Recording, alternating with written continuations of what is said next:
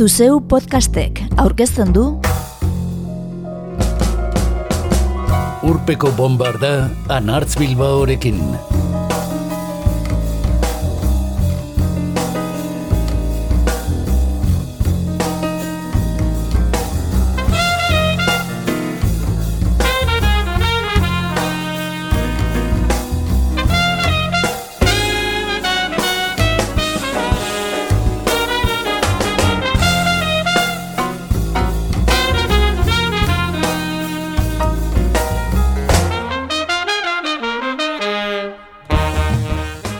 Gaur urpeko bombardan aspaldiko partez jorratu ez dugun berria zaharra eta erabilia formatua berreskuratuko dugu. Hortaz, lan bat plazaratu berri duen euskal talde bat ezagutzeko parada izango dugu. Honakoan, Kilimak, Hernaniar Boskotea. Agus Garmendia kantariak aurkeztuko diguna. Gainera, Cat Power Pasadena, The War on Drugs eta Nikotina egitasmoen kantu bana ere entzungo dugu. Lan berrien atalarekin jarraituz. Gainontzean, mila bederatzerun derurogeita maikako azaroan plazaratu ziren hiru disko hartuko ditugu akorduan aspaldiko lanen tartean. Pink Floyd, Led Zeppelin eta Yes taldeen bana. Eta maitzeko, eskorbutoren cerebros destruidos izango da kanta erabilia. Eneritz furiaken moldaketan. Guazen.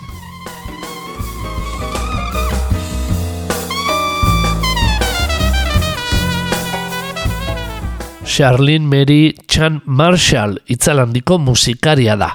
Cat Power izenpean gordetzen dena. 2018ko Wanderer du azken lan luzea, amargarrena, baina dagoeneko prestomen dauka datorren urtarriaren amalauan domino etxearekin plazaratzekoa duen covers, bertzio ez osatutako diskoa.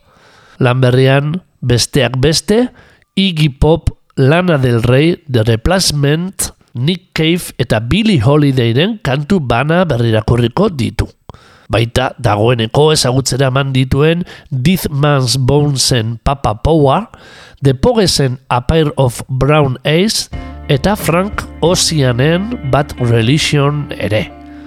Azken honesek abiaraziko du gaurko zaioa.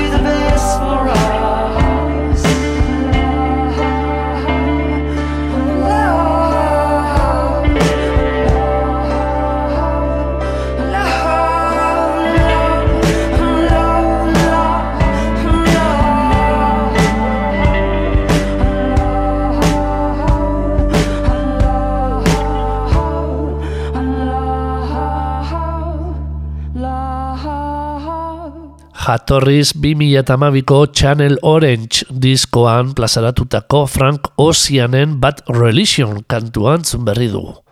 Cat Powerrek egindako berrirakurketan. Eta Euskal Herrian eratu berria den pasadenarekin egingo dugu aurrera. Jon Basaguren eta Libe García de Cortázar bikotea kosatua. Izaki Gardenak gazteiztar taldeko bikideek Danilo Foronda gitarran eta Dani Arrizabalaga baterian izan dituzte lagun azar honetan aurkeztu duten debut lan homonimoa plazaratzeko. Pasadena egitasmoaren aurrera penkantua da goibela arnasten dute.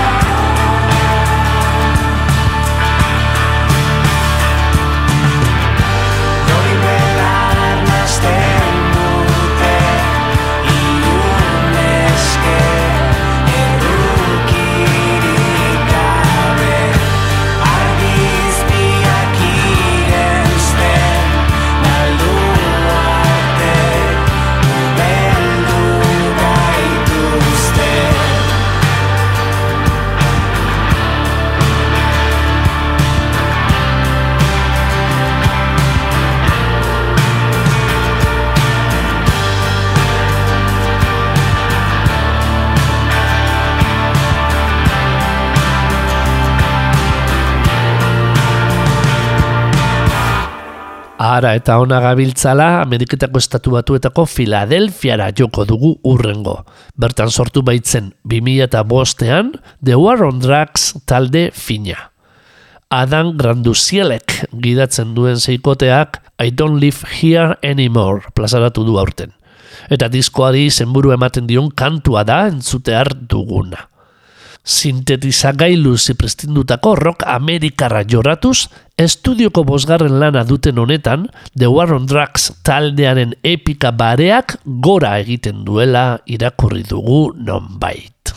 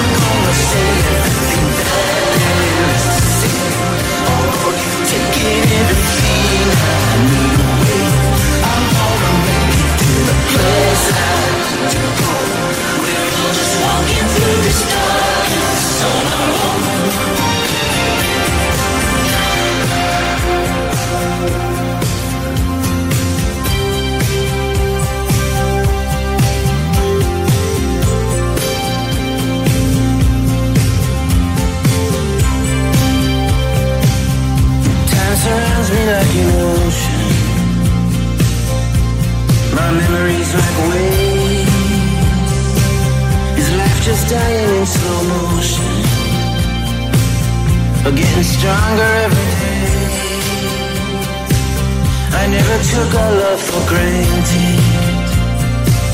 You never left me wanting more. But you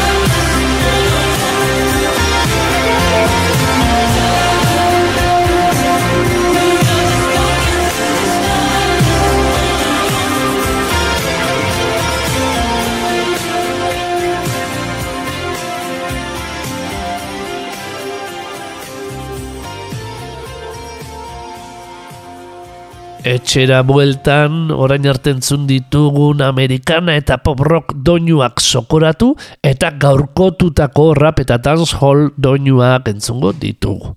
Oiesek baitira John Tolosa beltza, MC Tolosar gazteak jorratzen dituenak, nikotina egitasmoan. Bigarren lana duen Nirvana diskoan, egunerokotasunean aurkitzen ditugun bidegabekeriei buruz hitz egiten du. Eta etorkizuna hobetzeko borroka egitera deitu. Kondorraren hegaldia entzungo diogu nikotinari.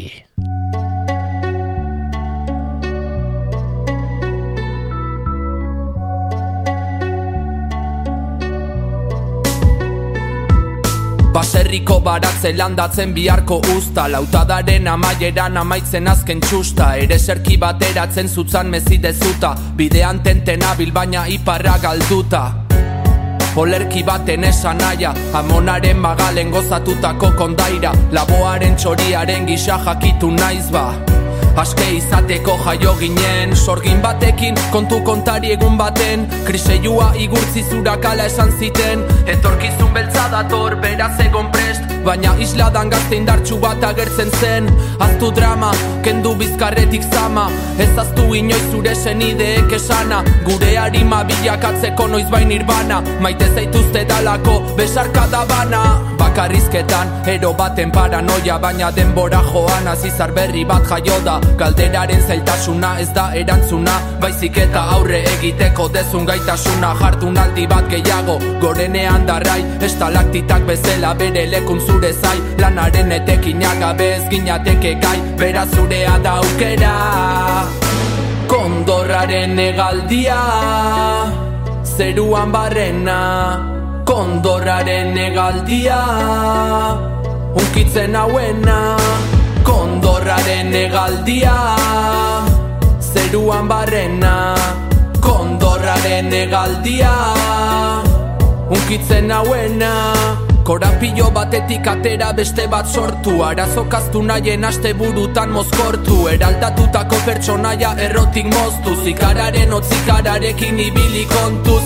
Amaiera beti da hasiera. Garai berri bat imaitasunez eman harrera. Bide luze honetan gaudelako batera. Lana egin eta gero ezin bota atzera. Gogoratu, iragana, bideo kerretik nera mana Denborak erakutsi digulako bizitzan okerregina dagona. Jarraitu genulako borrokatzen iluntasunaren itzala baztertzen Akatsetatik ikasten, nola babestela Amarkadak genera matzan Eta gure aserrea etzuten atzeman. Sortutako kartzelaren normak botatzea man Bizitzako helburu bakarra bilakatu zan. Mendeku goze bagina galdu lukete jakina Baina argi daukagu erantzuna ez dela mina. Geratzen zaigun denboran badaukagu zeregina Aldatzeko eskemak Kondorraren egaldia Zeruan barrena Kondorraren egaldia Unkitzen hauena Kondorraren egaldia Zeruan barrena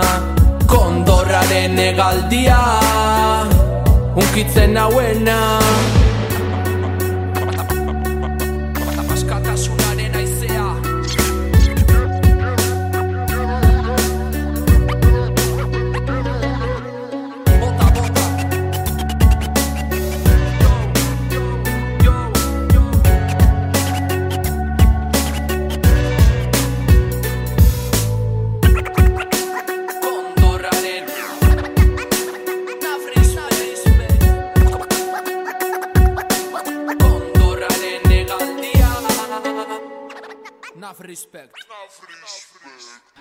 Powa, Pasadena, The War on Drugs eta nikotina entzunda lan berri eskainiteko atala istear gara. Kilimak taldearekin.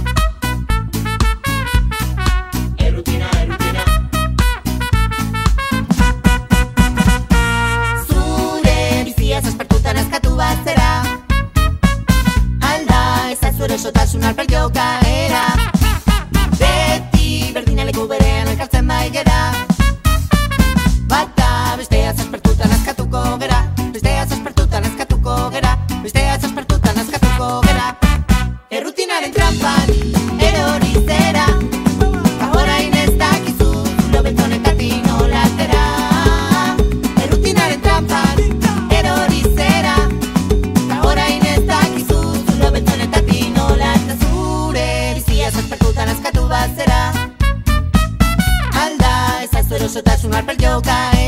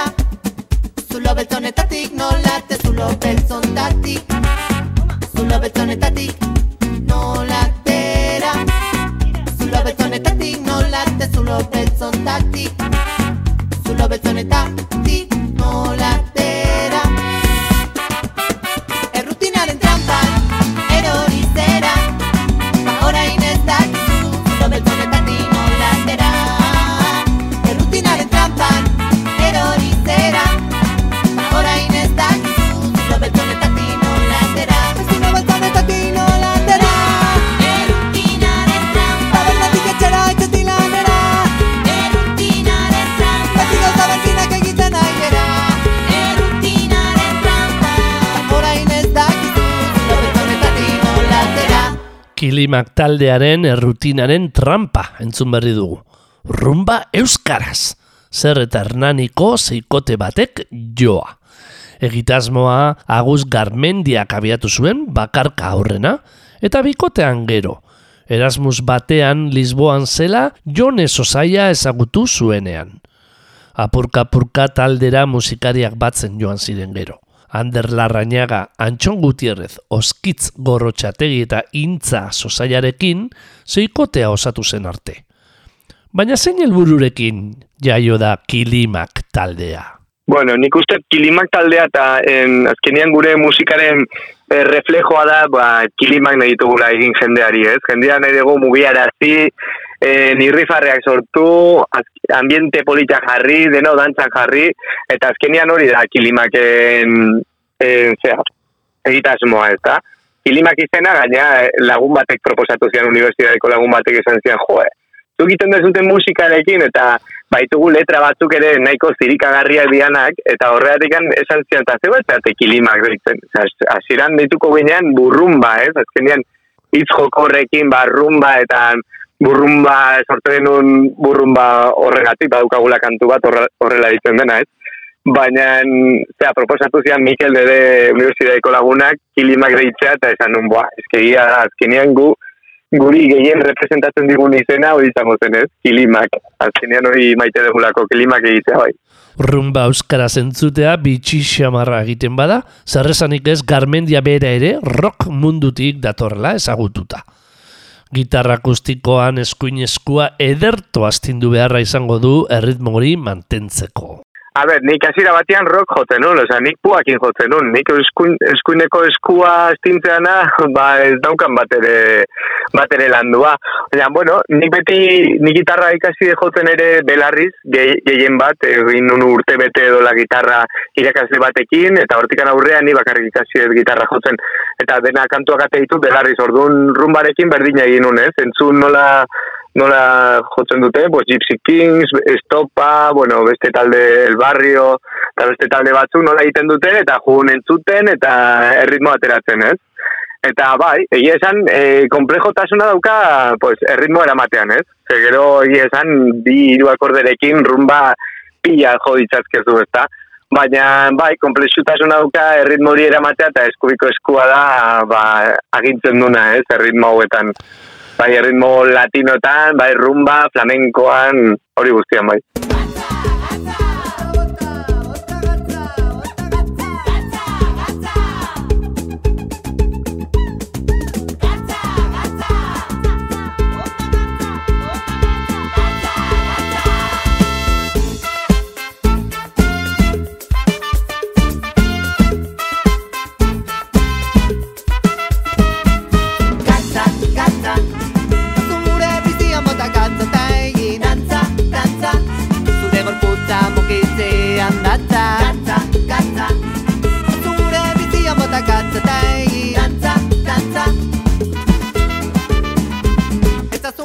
Ez dakizuna dantza egiten. Jarraitu musikari aldakak mugitzen. Lotxarik gabe izango zara zure jabe. Zure beldurra handiena besteak pentsatzen dutena. Da entzun altxa besoak gora. Eta zu galdu denbora Aktorka bat gozatzera Orain daukatu aukera. Da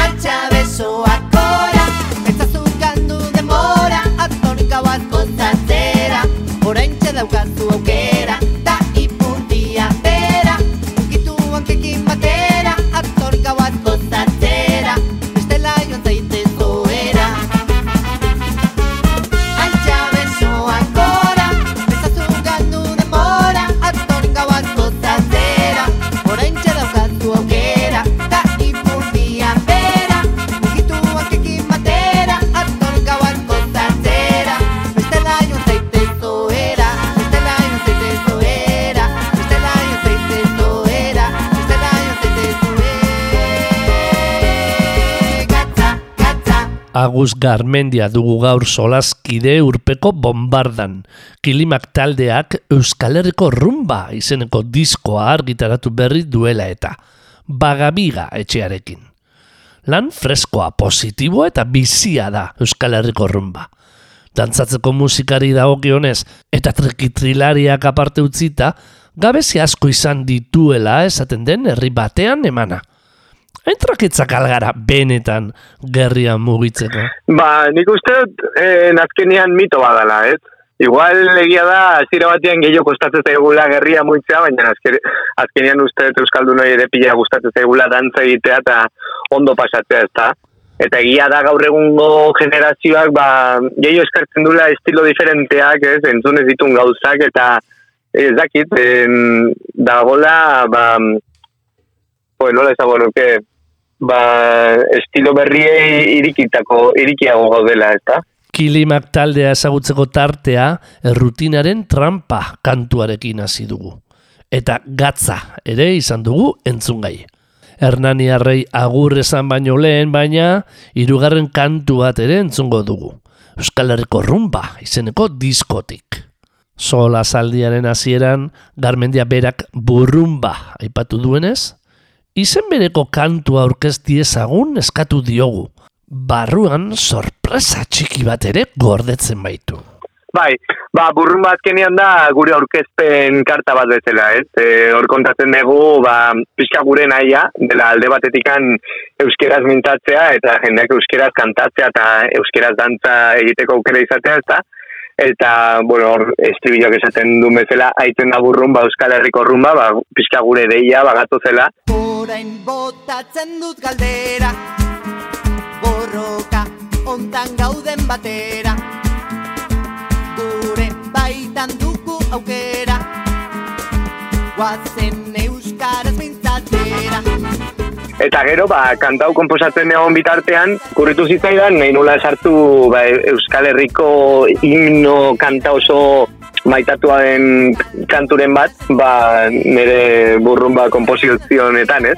Eta, bueno, bilatzen, bilatzen, kontatu nintzen, ba, Eusko Gudariak, en, Eusko Gudariaken kanta, ba, etorrela, osea, sartu zela melodian eta harmonian bat egiten zutela perfectamente.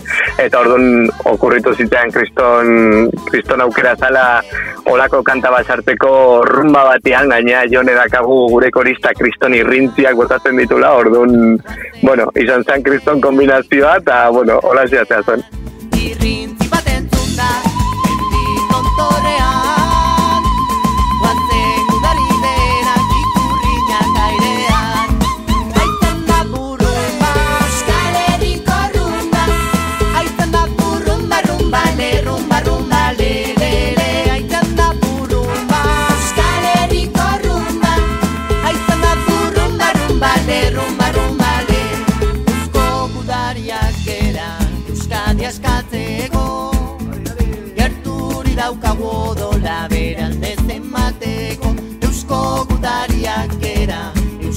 pescado.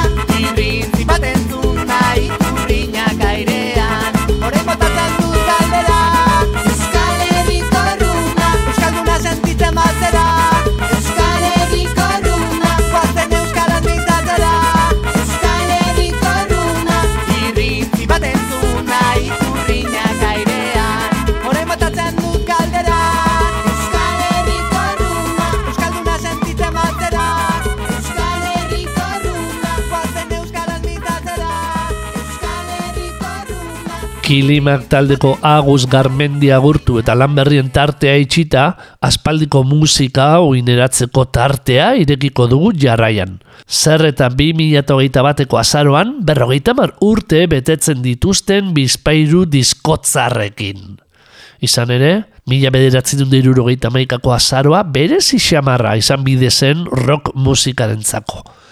Orduan plazaratu baitziren, egun gutxiko tartearekin, Pink Floyden medle, Led Zeppelinen 4, Genesisen Nursery Crime eta Yesen Fragile.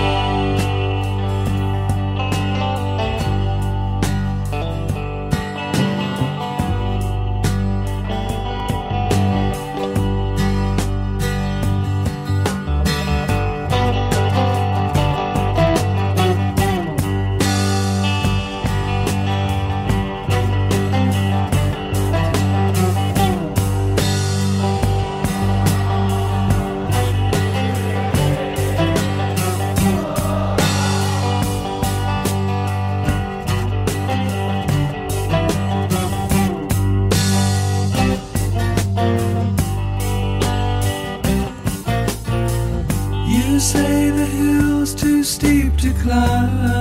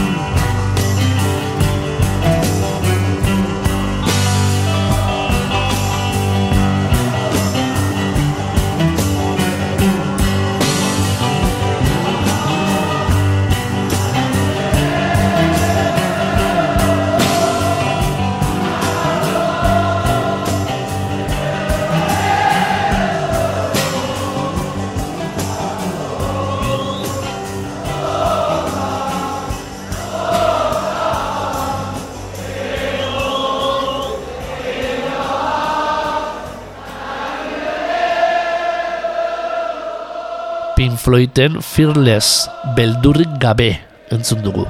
Azpitik Liverpool futbol taldeko zaleak direla.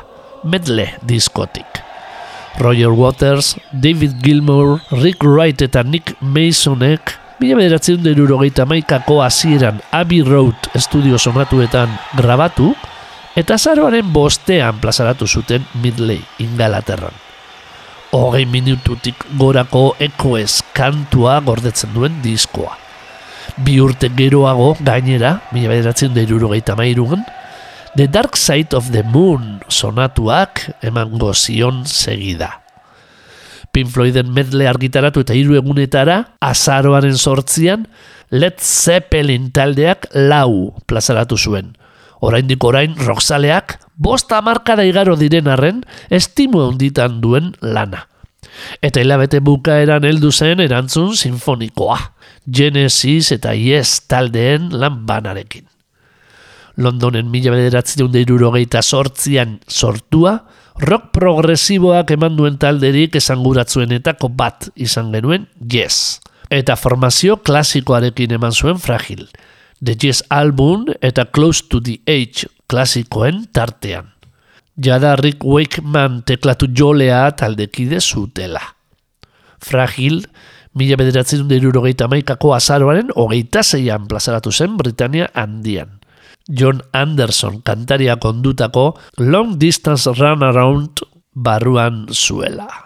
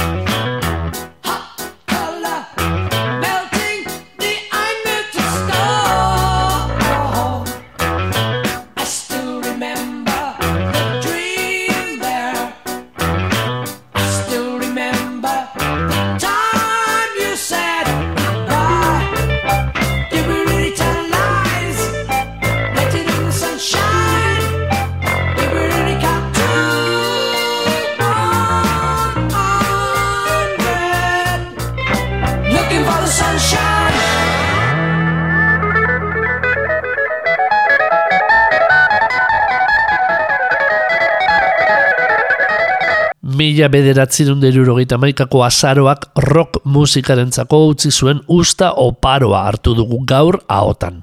Eta Pink Floyd zein Yes taldeak entzunda, Inglaterrako hirugarren batekin emango diogu bukaera aspaldiko lanak akordura ekartzeko tarteari. Led Zeppelinen 4 historiako rock albunik salduenen artean dago. Jimmy Page eta Robert Plantek ondutako Stairway to Heaven kanturik esanguratzuena duela. Guk baina, eta zalantzarik egon ez dadin, rock and roll hautatu dugu.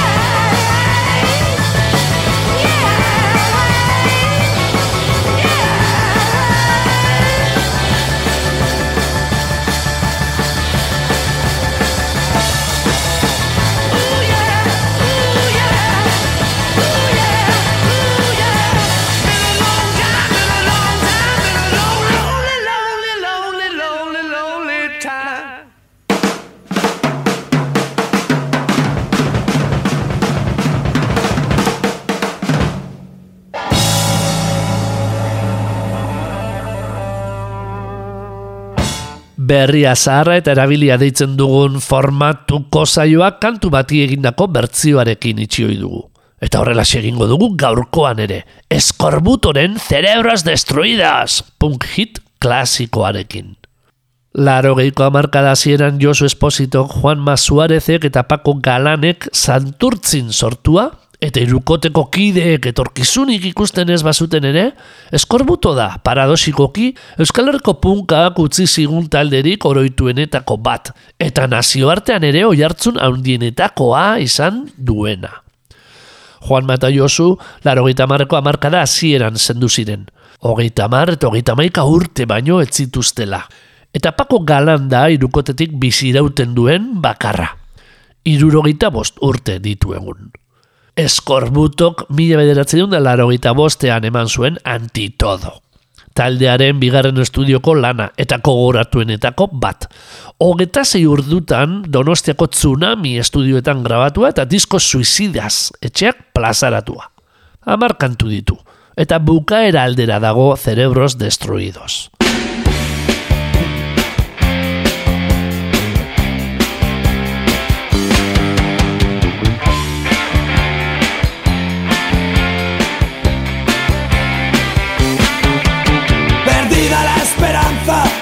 La ilusión, los problemas continúan sin hallarse solución. Nuestras vidas se consumen, el cerebro se destruye, nuestros cuerpos caen rendidos como una maldición. El pasado ha pasado y por él nada hay que hacer. El presente es un fracaso y el futuro no se ve.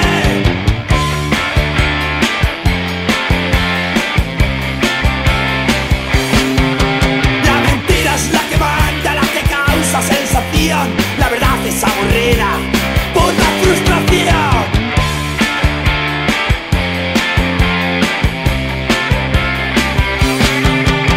Prefiero morir como un cobarde que vivir cobardemente.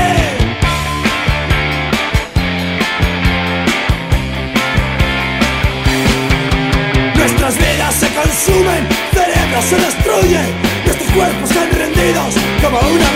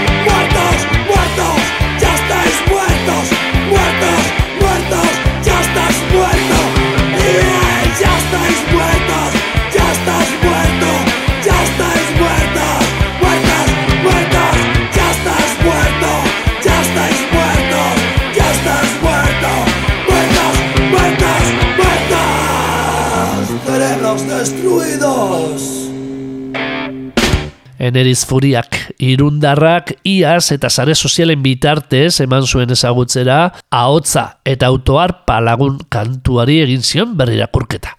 Burmuin zuntzituak. Punk ere zerkiak bere espiritu osoa gordetzen du furiaken bertzioan. Baina ez da hizkuntza kantuari aldatu zion bakarra. Atzo oldarkor zena, auskor bihurtu da gaur. Xaropenik gabe, ilusiorik gabe Arazoek ordiraute irten biderik gabe. Bizitza itzali zaigu bur muñada sontxitu Korputzak amore mandu madarikatuaku.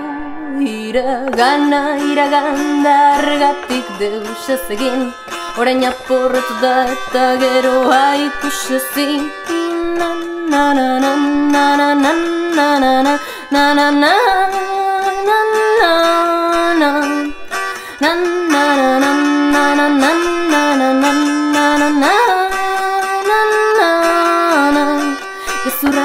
agintari zirrararen zeindari Egiak kasportzen gaitu frustrazio putori nahiago Koldar baten gixan Kolartuta bizitzea baino Na na na na na na na na na na na na na na na Na na na na na na na na na na na Bizitza itzali zaigu burmuina da suntxitu Gorputzak amore mandu madarikatuagu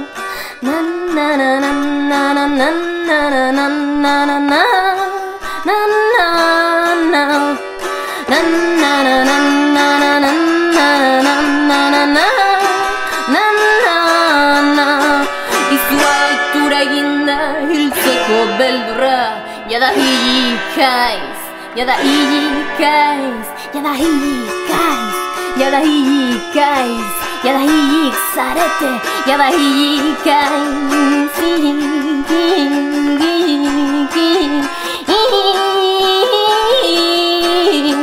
やだいいかいやだいいかいやだいいかいやだいいかいやだいいかいやだいいかいやだいいかいやだいいかい por muy chunchituar.